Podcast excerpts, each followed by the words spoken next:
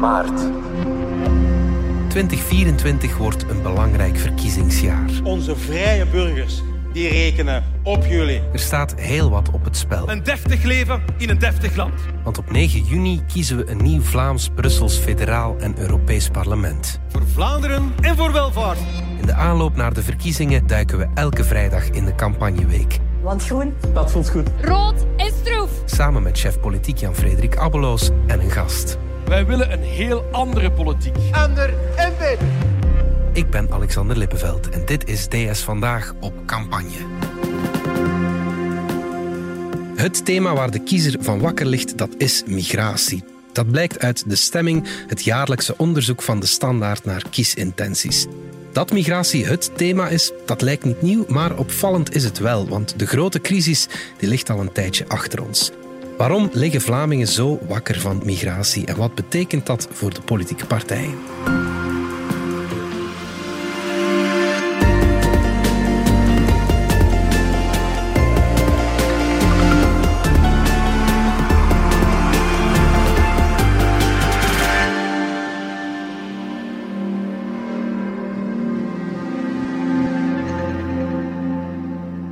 Zo, we beginnen aan onze allereerste DS vandaag op eh, campagne. Bij mij zitten Jan-Frederik Abeloos, chef politiek van de Standaard. Hallo. En Naomi Isabella.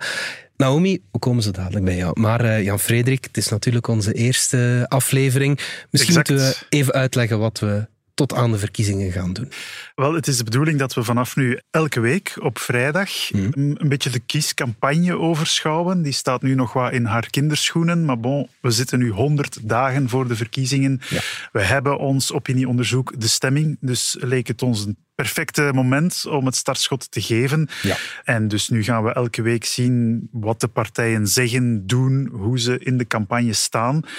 En hoe we dus met z'n allen richting 9 juni evolueren en ons een gedacht vormen en finaal dus gaan kiezen. En Ja. ik vind het heel leuk dat we, en dat is een beetje anders dan eh, onze reguliere dagelijkse nieuwspodcast, is dat we hier altijd een gast zullen hebben. Ja. Dat ik hier niet alleen het moet doen. En ik ben ook heel blij dat dat nu eh, voor de eerste aflevering Naomi is. Omdat, en dat is een beetje de bedoeling, dat die gast een, een aanvullend perspectief kan bieden. Ja. Iemand die geïnteresseerd is in politiek, maar niet noodzakelijk midden in het eh, strijdgewoel staat, om het zo te Ja, zeggen. ja, ja. Of, of, of niet te kort op zit zoals jij dat eh, wel dagelijks eh, doet natuurlijk. Maar een Beroepshalve, extra, ja.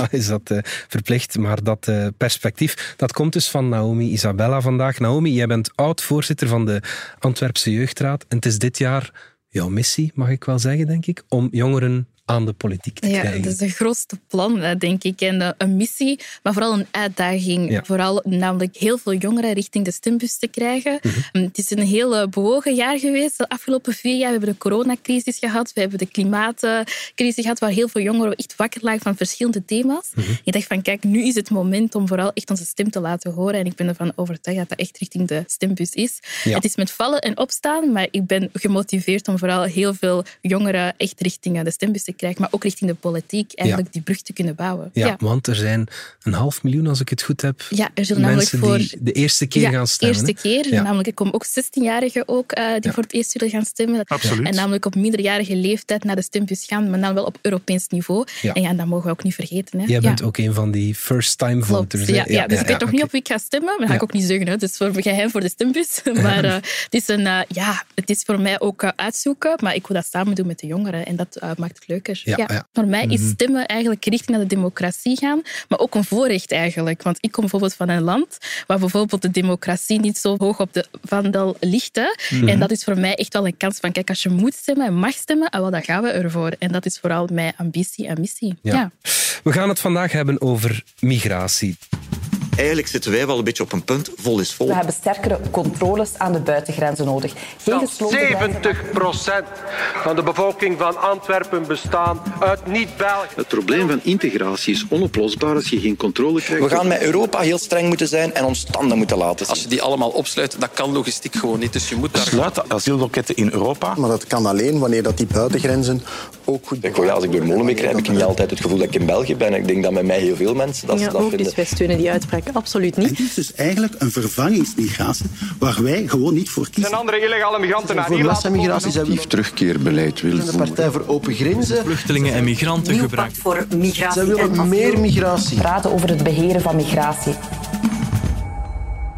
Dat uh, blijft een erg belangrijk thema. Dat is gebleken uit Klopt. de stemming, ons jaarlijkse peilingsonderzoek, zeg maar.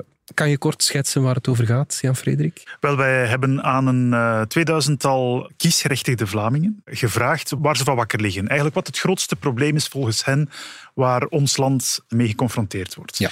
En dan valt op dat ruim een vijfde, bijna een kwart van die ondervraagde Vlamingen, dat die eigenlijk begonnen te praten over migratie. Mm-hmm. En dat ging dan vooral over het is niet onder controle. Mm-hmm. Er zijn hier te veel migranten.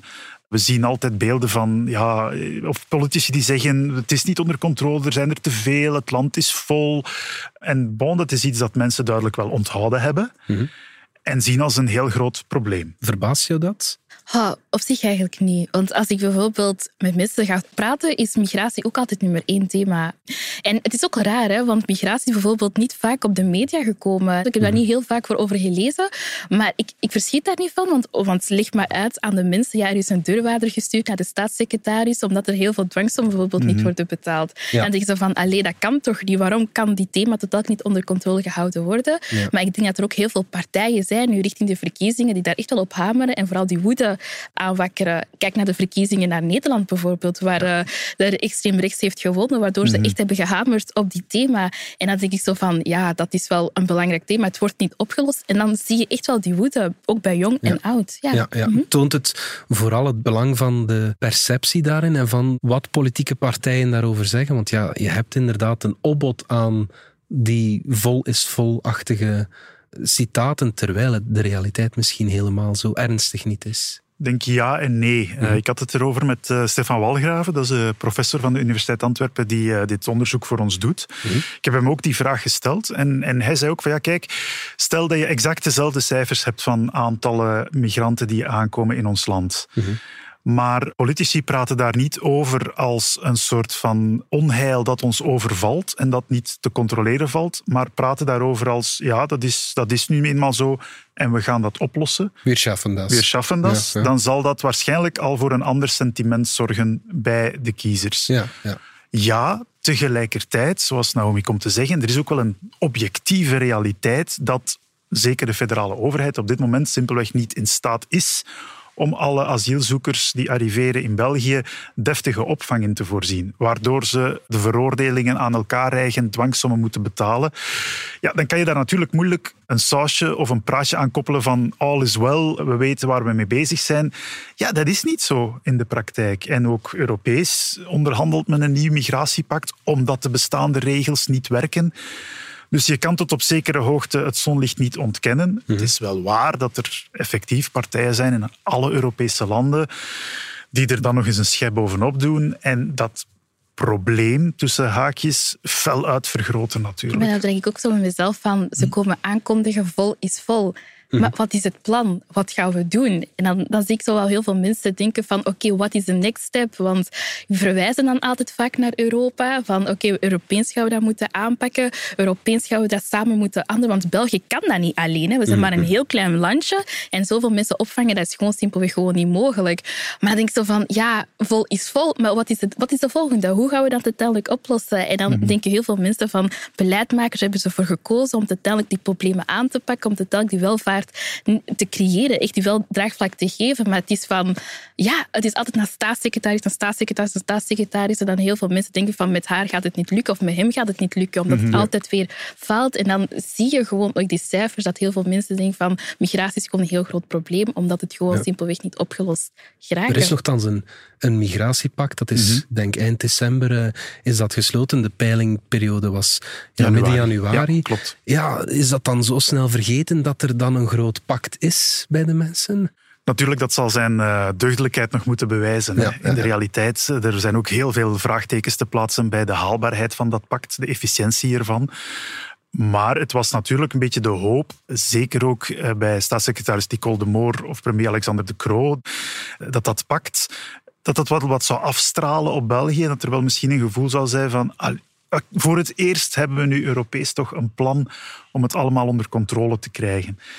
Je hebt de indruk dat een belangrijk eh, deel toch van het kiezers, eh, van het electoraat, dan nog niet overtuigd door is. Mhm.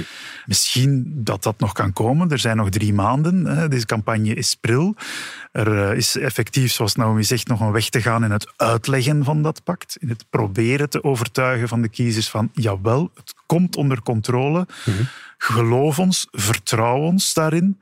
Maar dan komen we net op een vervelend punt, namelijk vertrouw ons, is een vraag op dit moment die heel lastig ligt bij veel kiezers. Als politici ja. zegt, trust us, we know what we're doing. Ja, ja, ja. Weinig mensen zijn nog geneigd om dat te eh, geloven. Je hebt ook partijen die ook bijvoorbeeld eigen kanalen hebben, hè, bijvoorbeeld. En die dat eigenlijk dan zelf dan met de mensen zelf echt uh, zeggen van kijk, het is niet aangepakt. Als het niet op de mhm. algemene mediakanaal komt, dan gaan die het wel uitvergroten. En ik denk dat het dan ja, nog heel moeilijk is vooral om aan die kiezers te zeggen vertrouw ons. Want uh, het zijn al heel veel mensen die gewoon te vertrouwen zijn verloren als het gaat om migratie. Ja, en die extreme partijen werken dat in de hand. Is migratie niet ook een containerbegrip geworden? Een soort van ja, beleidsdomein waarin alle ongenoegen over alles wat er misgaat in samenkomt? En onvermogen misschien zelfs? Migratie wordt gewoon heel vaak in een heel slecht daglicht geplaatst. hè? Mhm. Als je kijkt naar Brussel, mm mensen slapen op straat, ze brengen veiligheid mee, uh, ze brengen heel veel, ja, geen orde hè, in de samenleving. Maar ik ben ervan overtuigd dat we misschien ooit op een dag wel migratie zullen nodig hebben. Hoeveel mhm. vacatures raken er op dag van vandaag niet opgeraakt? Ik denk dat het vooral belangrijk is om naar een gerichte migratie te kijken. Dus dat is vooral ja, de negatieve wordt ook altijd naar de migratie bekeken. In gesprek met mensen, in gesprek met jongeren, zie je van oh, het zijn weer die die profiteren van de samenleving. Het zijn weer die die weer uh, het, ja, het niet goed doen. En dan denk ik zo van, ja, kijk eens naar het goede kant. Er zijn ook heel veel mensen hoor, uh, die niet hebben geprofiteerd van de samenleving en die uiteindelijk wel iets hebben willen bijdragen aan de samenleving. Mhm. Waarom wordt dat dan niet in het daglicht gezet? Ja, ja, ja absoluut. Ja, we hebben net een, een hele reeks uh, geschreven. Allee, vooral mijn collega Dries de Smet heeft eens heel nuchter bekeken van hoe zit dat nu met die migratie, over hoeveel mensen gaat dat, welke profielen zijn dat. En dan is de nuchtere vaststelling dat je inderdaad zonder migratie, of toch arbeidsmigratie, misschien wel snel in de problemen gaat komen. Ja.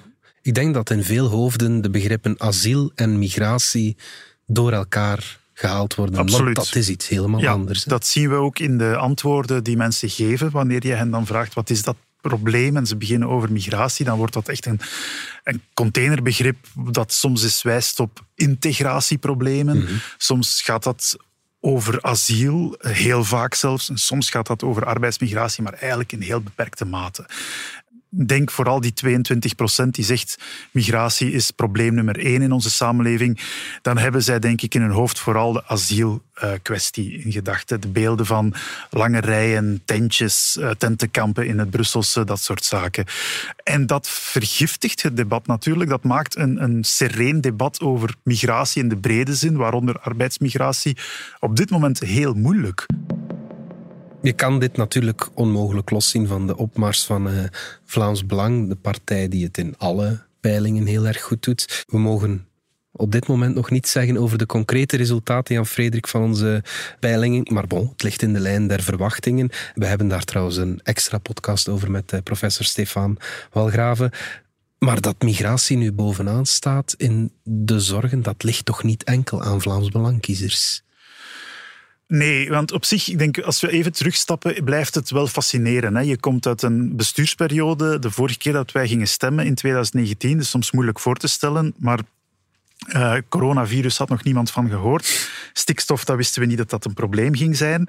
Uh, inflatie leek voor eeuwig laag te blijven. En, uh, er waren nog geen oorlogen. En er was nog geen full-blown oorlog op het Europese continent. Dus de wereld is radicaal veranderd op, die, op die vijf jaar tijd.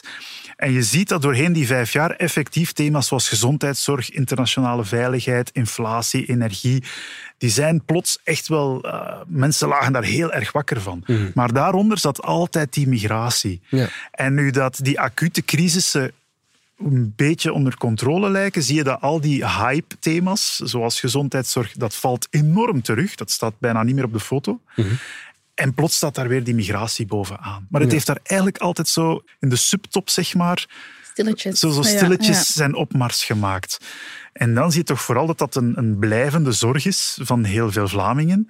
En effectief nu ook het thema waarop heel veel onvrede zich endt, absoluut. Ja. En dat is, uh, om dan op je vraag uh, te antwoorden, absoluut niet uh, de exclusieve bezorgdheid van mensen die op Vlaams Belang stemmen. Zij duwen natuurlijk dat gemiddelde naar boven. Maar we zien bijvoorbeeld ook bij N-VA-kiezers is dat ook probleem nummer één. En bij andere electoraten zit dat toch ook wel heel vaak in de top drie. Dus het zit toch wel breder in de maatschappij dan louter uh, oprecht zo. Maar het is ook wel, na de verkiezingen toe ben ik ook benieuwd de claimen van de thema's, bijvoorbeeld. Mm -hmm. Je ziet zo echt de extreme partijen, zoals extreem rechts, die echt migratie claimen. Het is echt hun thema. Hè? Ja. Die gaan daar echt vol op pal bak.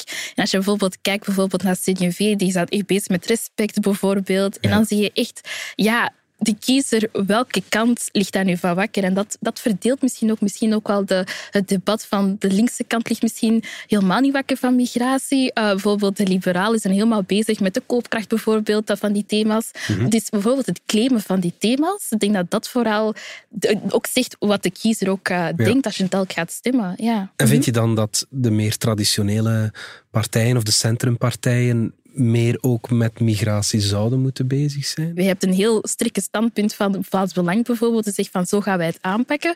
Maar ik denk ook dat kiezers het ook gaan appreciëren om te zien welke partijen het ook misschien op hun manier gaan aanpakken. En daar voel ik zo een beetje zo wat stilletjes is of zo. En dat, ja. ja. dat, dat is wel misschien niet zo slim, denk ik, als je richting ja. de verkiezingen gaat. Ze doen misschien ja. eerder het omgekeerde. Ik herinner me van, die, van de nieuwjaarsrecepties dat bijna elke partij zei wij zijn het beste recept tegen Vlaams Belang. Ja, klopt. Maar dan hebben ze het vooral niet over die migratie. Doen ze dat dan bewust, Jan-Frederik? Ja, er is een uh, politieke theorie die zegt dat uh, wanneer je praat over een thema dat heel hard kleeft aan een bepaalde partij, dat je eigenlijk die partij groot aan het maken bent. En het is overduidelijk zo dat migratie als thema maar op één partij kleeft, dat is het Vlaams Belang. Dus de redenering is, we moeten daar misschien niet al te veel over praten. Dat is het gat maar in de haag. Dat is toch jammer? Uh, dat is toch jammer? Als ik bijvoorbeeld als groene kiezer wil ik toch ook graag weten hoe groen er naar kijkt. Wat die gaan bijvoorbeeld op tafel gaan leggen. Of als blauwe kiezer, of als rode kiezer. Ja. En als je het dan aan één partij overlaat, dan zeker zo'n grote thema, ja, dan denk ik zo van, ja, dan is het toch uitgespeeld. Dan is het mm. match fini. Dan denk ik zo eigenlijk van, dat is jammer. Ik denk, dat, ik denk ja. dat je gelijk hebt. Ik denk dat uh, het is niet zozeer dat je moet zwijgen over het thema. Het is dat je het moet kunnen pakken en framen, om dat woord nu eens te gebruiken, op je eigen voorwaarden, in je mm -hmm. eigen taal. Mm -hmm. Als je natuurlijk het, het, thema gaat benaderen en bespreken zoals het Vlaams Belang het doet, ja, dan onderschrijf je hun mm -hmm. visie en promoot je die visie. Maar je kan, ik denk zoals Naomi zegt, je kan een, een eigen discours ontwikkelen over migratie. Ja. Ik denk bijvoorbeeld dat een partij als Groen dat wel doet. Ja. Heel duidelijk aangeeft van kijk, wij zijn niet voor een limiet op het aantal asielzoekers die moeten opgevangen worden. Wij gaan voluit voor de, de individuele rechten van elke asielzoeker, no matter what. Echt de weerschaffendas ja. uh, gedachte zit echt wel nog bij die partij. Steken dat ook niet weg. Maar effectief, als je merkt dat bij elk electoraat migratie bij de top drie thema's zit, dan is het lastig om daarover te zwijgen. Ja, ja, maar je moet natuurlijk niet zelf misschien beginnen praten over een asielstop en het land is vol. En dan verwonderd zijn dat Vlaams Belang natuurlijk met de winst gaat lopen. En dat is een beetje waar N-VA mee worstelt. Dat kiespubliek ligt heel erg wakker van Vlaams Belang. Hun naaste concurrent is Vlaams Belang. Mm-hmm. Dus zij moeten ergens een rechtse gespierde retoriek ontwikkelen over migratie. Dat is wel wat hun kiezers verwachten. Zonder dat je natuurlijk copy-paste Vlaams Belang wordt. Want ja, dan kunnen die kiezers even goed voor Vlaams Belang, het origineel stemmen, in plaats van de kopie, om het nu zo uit te drukken. Ja. Dat is een hele moeilijke. Ja, misschien nog een meer opvallende quote afgelopen jaren was van Conde Rousseau natuurlijk. Die mm-hmm. zei dat hij zich niet thuis voelt in Molenbeek. Uh, ja. Die ook ja, de, de flinksere koers uh, ja, opging mm-hmm. uh, met zijn partij vooruit. Zit dat er nog in bij vooruit uh, vandaag? Nu, die Molenbeek-uitspraak van Conor Rousseau was natuurlijk ook op het randje. Hij blijft volhouden dat hij daar eigenlijk uiteindelijk toch vooral een sociaal-economisch discours aan koppelde over kansen en taalverwerving in Molenbeek. Maar bon, hij startte wel die discussie van op een punt dat al vrij dicht bij de Vlaams Belang-retoriek natuurlijk uh, aanschurkte. Op het randje, maar bon, het leverde hem veel aandacht op. Heeft op die manier ook vooruit natuurlijk uh, groot gemaakt. Tot is gebeurd wat is gebeurd. En uh, op dit moment moet de partij inderdaad opnieuw zien hoe ze zich verhoudt tegenover dat migratiethema. Ik heb de indruk dat Melissa de Prater, de opvolger van, van Conor Rousseau, er alles zal aan doen om, om vooral eh, over koopkracht te kunnen praten. Uh, maar bon, haar eigen partij maakt het daar uh, niet ja, gemakkelijk maar, natuurlijk. De politiek is een heel onzekere wereld. Ja. Dat is, uh, ja. Wordt dit het verkiezingsthema, denk je, Naomi? Niet alleen dit. Okay. Ik hoop dat er nog andere thema's ook aan bod zullen komen. Want ik heb ook vragen. Ik, ik lig ook wakker van heel veel thema's, zoals de begroting, zoals de koopkracht, zoals op vlak van klimaat, uh, zoals heel veel thema's. Dus ik denk, ik wil vooral richting de verkiezingen horen hoe gaan partijen het vooral oplossen? In plaats hmm. van kiezers te kopen door beloftes te maken en dan met de onderhandelingstafel zeggen van ja, sorry, het is het niet gelukt. Hmm. Ik denk dat de kiezer dat een beetje beu is. Dus ik hoop dat migratie niet alleen het thema wordt, want de Vlaming ligt ook wel wakker van heel veel andere thema's. Ik weet niet of er allemaal nog uit de bus zijn gekomen. Ja, ja. Niet dus, alleen eh, Economie en koopkracht is ook een groot thema. Het mhm. staat ook niet zo heel hard onder migratie als uh, op de tweede plaats. En ik denk dat het dat ook is wat veel partijen dan toch gaan proberen activeren. Hè. Dat is mhm. heel die koopkrachtdiscussie, ook die budgettaire discussie. Al is er de boetade dat je met begrotingen geen verkiezingen wint. Um, maar je kan ze er wel mee verliezen. Namelijk als mensen het gevoel hebben, er is daar een enorme begrotingsput. En die is er op mhm. dit moment. En ik ga die moeten gaan vullen. Men gaat het geld komen halen bij mij. Ja, dat is altijd een zeer heikel uh, moment. En daar kijk ik wel naar uit, hoe partijen dat gaan doen. Um, ook dat is weer zoiets waar ze zich niet kunnen voor verstoppen, dat begrotingstekort. Ja, bij mij echt de begroting. Ik wil antwoorden. Hè. Ik wil echt weten hoe we dat echt gaan oplossen en niet met Sinterklaas spelen tijdens maar de sommige van die dus, antwoorden zullen u misschien niet bevallen natuurlijk. Tuurlijk, Als je hoort van, we willen snijden in de gezondheidszorg, we willen snijden misschien in jouw toekomstig pensioen. Maar dan weet ik al vooral wat die al denkt, partij A en partij B. En dat is voor mij al heel erg belangrijk als mhm. kiezer. Ja, ja, ja, mhm. Dat gaat ook over de democratie en de stand van onze politiek natuurlijk. Uh, en het vertrouwen daarin, want mhm. ook dat staat op een historisch dieptepunt. Ja. Bodemkoers, ja. ja. Vorig jaar al, het is gestabiliseerd. Het is niet erger geworden, dat is het goede nieuws.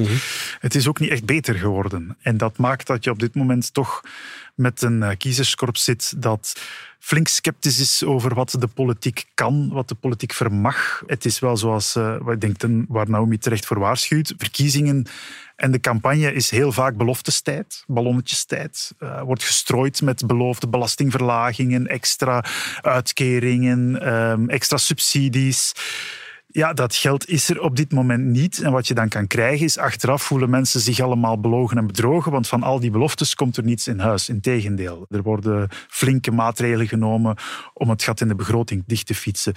Daar moeten partijen durven eerlijk over zijn, maar dat is niet makkelijk. Als het om ja, de knikkers gaat, zeg maar, en er moeten belastingverhogingen komen, dan, ja. dan, dan durven ze nooit het achterste van hun tong laten zien, toch? We zullen zien. We zullen zien. Het zal ook onze taak zijn dan, denk ik, als journalist, om dat toch te, hen toe te verplichten. Want het gaat om de knikkers gaan. Als je 30 miljard zoekt, dan gaat het niet lukken met de kaasschaaf of een klein extraatje hier of uh, knopje daar. Uh, dan moet je echt wel fundamentele keuzes gaan maken. Maar vooral wat ik ook merk als ik met de mensen praat, is vooral het respect naar de politici toe. Het huis, de politiek zelf. Ik denk dat dat vooral echt kapot aan het brokkelen is. Hè? Dat de mensen vooral, als je zegt op straat ik ben een politicus, dat je ineens een gezicht krijgt van ah oké, jij bent een politici, dat het, die respect zo een hmm. beetje weg en zoek is. Uh, En ik denk vooral dat de politiek als ze dat echt terug respect willen krijgen, dat ze eerst binnen hun eigen boezem zou zullen kijken van waar loopt het dan toch mis en hoe kan ik toch de mensen terug overtuigen en die vertrouwen terugwinnen. Ik denk dat dat vooral heel belangrijk is voor we echt naar de verkiezingen gaan. En kijk bijvoorbeeld naar een politici die voor een politiecombi plast, bijvoorbeeld. Dan denken mensen zo van, allee,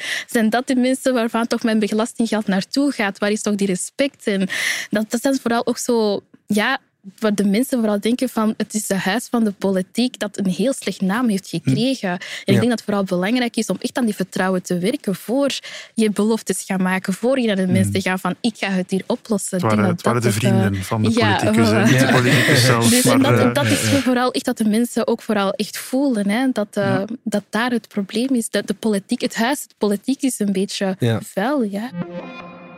Straks kijken we naar de opening die N-VA-voorzitter Bart de Wever leek te maken naar Vlaams Belang, maar eerst gaan we er even uit voor reclame. Step je naar de stad? Gebruik je een deelwagen? Parkeer je aan een park-and-ride? Antwerpen maakt zich klaar om te shiften. In de grote ontknoping onderzoek ik, Kat hoe het Antwerpen van morgen eruit ziet. Grote Ontknoping, een podcast van Landis, nu te beluisteren via je favoriete podcast-app. Er was natuurlijk nog politiek nieuws deze week. Oud-premier Sophie Wilmes die eiste afgelopen weekend haar plaats als lijsttrekker van de MR in Europa op. Donc la réalité c'est que je ne pars pas, je ne suis pas très bon. Het was lichtjes tegen de zin van voorzitter Georges-Louis Boucher, maar de wil van Wilmes die is wet. Minister Gwendoline Rutte is de zoveelste Open VLD'er in het rijtje die niet onder de partijnaam naar de kiezer trekt bij de gemeenteraadsverkiezingen in oktober dan. Het wordt iedereen aarschot. De natuurherstelwet in de EU die is gestemd, ondanks al het boerenprotest in Brussel. En dat is naar de zin van de Groenen. Dit gaat er echt voor zorgen dat de natuur erop vooruit gaat in Europa, in Vlaanderen. Maar tegen de zin van onder andere CD&V. Ik denk niet dat de Natuurherstelwet het antwoord is op de verzuchtingen die de boeren hebben. En die laatste partij, CD&V, wil ook de Senaat weg, net als de wolven in Limburg. Christophe Calvo van Groen die was vooral teleurgesteld over het falen van de hervorming van de partijfinanciering. Alle partijen willen een hervorming om andere partijen te treffen. En er gaat 200 miljoen extra vanuit ons land naar Oekraïne.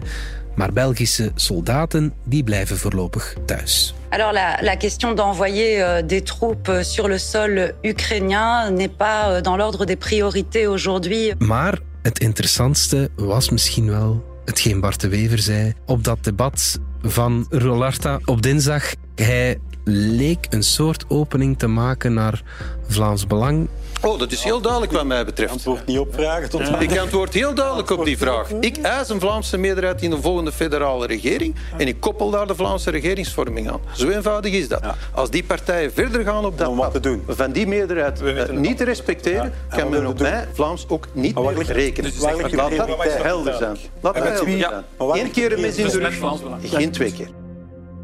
Ik weet nog altijd niet wat we eruit moeten opmaken wat hij, wat hij zei aan Frederik. Vertel eens eerst waar het over gaat. Het gaat over datgene waar het heel vaak over gaat als het over de NVA gaat. En dat is hoe verhoudt die partij zich nu ten opzichte van het Vlaams Belang. Mm-hmm. En zeker als er straks een scenario komt waarbij die twee partijen een meerderheid zouden hebben in het Vlaams parlement, wat dan? Er is natuurlijk heel veel als en wat dan. Uh, dus we kunnen daar eigenlijk nog niet zo heel veel over zeggen. Maar het is wel zo dat er geen interview kan passeren met een NVA. Of die vraag komt natuurlijk op tafel, mm-hmm. omdat er zoiets bestaat als het cordon sanitair. Wat inhoudt dat als je het aan andere partijen vraagt, die wel nu al zeggen van no matter what, wij gaan nooit met het Vlaams Belang besturen. Mm-hmm. N-VA wil dat niet zeggen, omdat zij dat cordon sanitair geen democratische uh, houding vinden. Uh, maar er is wel een deel van de partij die altijd zegt we hebben dat cordon niet nodig om te weten dat wij niet kunnen besturen met Vlaams Belang. En uh, voorzitter Bart de Wever wordt altijd bij dat kamp gerekend. Ja. Uh, als hij een interview geeft, dan is het heel vaak dat hij zegt van ja, maar kijk, kijk naar het personeel van die partij, kijk ook naar het programma. Ik heb hier ja, de haven van Antwerpen in mijn achtertuin als burgemeester. Ja, die havenbelangen die zouden daaronder lijden. Er valt geen land te bezeilen. Ja. Die partij is de melanoom van Vlaanderen. De Soms... Chinese muur, dat ja, zij ook dus hij heeft zelfs een heel boekje, inderdaad. Het is goed dat je naar verwijst, een heel boekje geschreven om aan te geven er staat een Chinese muur tussen mijn partij en het Vlaams Belang. Ja. Maar wat we zien is dat natuurlijk die muur die, die lijkt te verbrokkelen. En het viel op dat Bart de Wever in een debat deze week eigenlijk voor het eerst met zoveel woorden zei van kijk, als ik nu opnieuw het is een beetje een complexe redenering, maar als ik straks federaal opnieuw buitenspel gezet word, want federaal zit N-VA in de oppositie, mhm. Dan moet men niet meer op mij rekenen, Vlaams. Mhm. En dat is een boodschap aan vooral zijn huidige coalitiepartners, CD&V, Open VLD, waar hij nog altijd heel boos op is dat zij in 2019 met hem wel een Vlaamse regering hebben gevormd, maar vervolgens in 2020 een federale regering hebben gevormd zonder hem, maar wel met de Groenen en de Socialisten. En hij zegt van kijk, één keer, maar geen twee keer. Mhm. Ik wil dus nu eerst een federale regering vormen waar ik in zit. En dan pas gaan we een Vlaamse regering vormen. Zodanig dat je niet met diezelfde tour eh, opnieuw lapt, om het op zijn mooi Vlaams te zeggen. Maar natuurlijk is dat een uitspraak die niet zo onschuldig is, omdat als je zegt Vlaams kan je niet meer op mij rekenen, wat betekent dat dan? Ja. En mathematisch kan dat niet zo heel veel betekenen, behalve ofwel ik ga helemaal opzij staan, ik doe niet meer mee, ik ga in de oppositie Vlaams. Maar bon, dan, dan, dat is ook een heel bizarre houding voor een Vlaams Nationale Partij. Mhm, mhm. Of ik tuig een andere meerderheid op zonder partijen die in die federale regering zitten. Maar dan komt Vlaams Belang eigenlijk mathematisch meteen in beeld. Ja.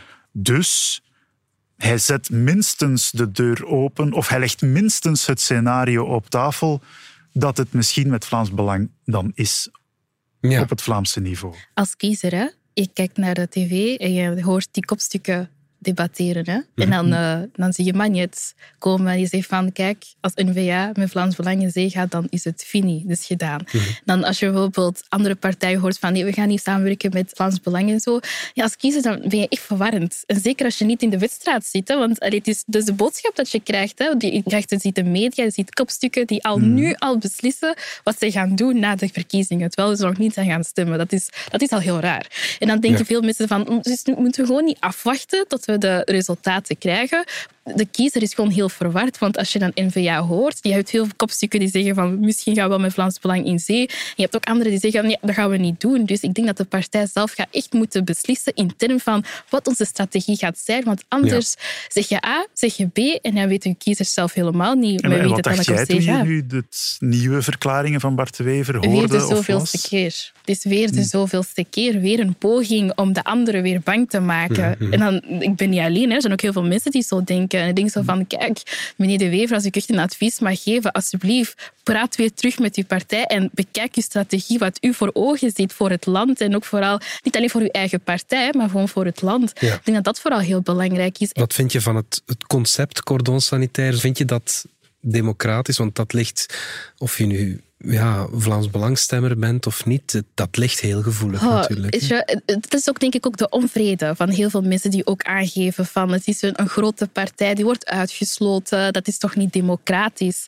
Maar ik denk vooral ja, dat het vooral belangrijk is om naar de kiezer te luisteren. En als de kiezer zegt van kijk, we stemmen op Vlaams Belang en dan denk je van dan gaan we moeten kijken waarom stemmen die kiezer op Vlaams Belang en vooral met die hmm. stemmen aan de slag te gaan. En dat betekent niet om met Vlaams Belang ineens in zee te gaan, want als je een meerderheid hebt, heb je een meerderheid en dat is de democratie. Zo werkt ook de politiek. Maar als een hele grote groep kiezers zegt van kijk, het, is de Vlaams Belang geworden, zijn de extreme partijen. Ik denk dat vooral de centrumpartijen vooral gaan moeten nadenken en kijken van waar zit toch die woede van die kiezer? Wat doen wij mhm. verkeerd? En ik denk dat je daarmee aan de slag moet gaan. Want anders ga je weer die film meemaken, ieder jaar, ieder jaar opnieuw, waardoor je ja, het weer gaat moeten loslaten. Maar ik denk dat Tom van Griek in die uitspraken van Bart de Wever, uh, hij wreef wel weer zijn handjes, toch? Natuurlijk, je ziet wel wat je ziet. Hè. Al jaren in de peilingen zijn er een aantal constanten. En dat is dat N-VA afkalft mhm. en dat Vlaams Belang groter wordt. Waar dat nu precies zal eindigen in de kering, dat zullen we zien 9 juni. Maar dat zijn wel de tendensen. En het heeft er alle schijn van dat dat nog moeilijk wordt om dat te keren. En dat is net het moeilijke voor de NVA natuurlijk. Hoe moeten ze, en ook voor de Wever, hoe moet hij praten over die dingen? Ze weten dat er een verloop is van hun partij naar Vlaams Belang. Ja, hoe stop je dat? Stop je dat door te zeggen, eh, Vlaams Belang is een partij waar ik geen zaken mee wil doen? Misschien schoffeer je daarmee een deel van de mensen die nu nog bij NVA zitten, maar ja, twijfelen en zoiets hebben van als Bart de Wever op die manier praat, dan ben ik weg. Of zet je net de deur open door te zeggen, ja, Vlaams Belang, wie weet. Maar nu is het, het is, is inderdaad koud en warm blazen. Een beetje warmer nu deze week. Soms is het wat kouder. Het hangt er maar vanaf. En dat is, uh, die visie onderschrijf ik, dat is het verwarrende. Je weet niet zo heel goed, ongeacht wat de uitslag straks is, hoe dat de N-VA dan in het spel gaat staan ten opzichte van het Vlaams Belang. Maar is het dan niet misschien dat de kiezer gewoon zegt ik hoef voor het zekere gaan en toch Vlaams Belang laten winnen? Dat is dan het risico dat de kiezer op dat moment denkt van oké, okay, cut the crap, we gaan zelf dan maar de knoop doorhakken mhm. en we maken Vlaams Belang zo groot dat er geen discussie meer kan zijn over wie de verkiezing heeft gewonnen en wie in, in die Vlaamse regering moet. Maar het interessante daar, en dat verklaart denk ik de, de knoop voor Bart de Wever, is hij zit vooral bezig met die federale regering. Ja. Ja. Hij zegt ook, en opnieuw, het gaat naadloos naar de, de start van dit gesprek, hij zegt, de reden voor heel veel ongenoegen zit daar. Dat is het migratievraagstuk. Dat is daar dat we gaan moeten uh, die begroting op orde krijgen. Dat, dat zit niet op dat Vlaamse niveau. Dus daar wil ik meespelen. En ik wil absoluut in die regering om orde op zaken te stellen. En hij weet ook, en dat was tot nu toe de redenering, als ik Vlaams zou een regering vormen met Vlaams Belang, ja, dan verhindert dat al mijn kansen federaal. Mhm. Omdat inderdaad Paul Magnet, de PS-voorzitter, zegt van ja, bon, dan stopt het gesprek. Mhm. Dan komen we in een, een heel vreemde situatie. Ja, destabiliserende situatie. Maar nu draait hij de redenering om van kijk, als ik federaal niet mag meespelen, dan sta ik eigenlijk niet meer in voor de gevolgen op het Vlaamse niveau. En dat is toch wel een, vind ik, heel opvallende houding nu die Bart de Wever openlijk aan, uh, een heel nieuwe aanneemt. Ja. Dynamiek en heel die... Uh, dynamiek en dynamiet misschien ook wel. Ja, ja, denk ik ook. Tot slot, pronostiekje hoe lang duurt het vooraleer we een regering hebben? Uh, het vorige record was 500. het vorige record was 541 de, uh, dagen. Bart de Wever wil snel hè, een kabinet. Hè. Ja, namelijk een heel zakelijke kabinet. en vooral zeggen van heel uh, snel. Heel snel. Ik denk de politiek wil nu echt vaart insteken. En als het hem lukt, waarom niet? Hè? Maar ja, hopelijk zo snel mogelijk. Hè. Alles voor het vaderland, hè, zoals ze zeggen. Ja, voilà. Wat dat vaderland is, dat hopelijk, hopelijk zeer snel. Dus, ik vrees dat we dit jaar nog geen enkele regering aan hebben. Geen enkele. Oké, goed. Dan zetten we al onze hoop op de gemeenteraden. Ik hoop dat ik, ja. ik, hoop dat ik totaal ernaast zit. Ja, ik hoop het ook. Goed. Jan-Frederik Abeloos, Naomi, Isabella, dank jullie wel. Dit was DS Vandaag op campagne. Bedankt voor het luisteren. Je kan nu ook de video-opname van deze podcast bekijken op het YouTube-kanaal van Standaard. Volg de verkiezingen bij ons via tekst, beeld en natuurlijk ook podcast via standaard.be/slash verkiezingen. Volg ons ook op YouTube of op je favoriete podcastplatform. Alle credits van deze aflevering vind je op standaard.be/slash podcast. Reageren kan via podcast.standaard.be.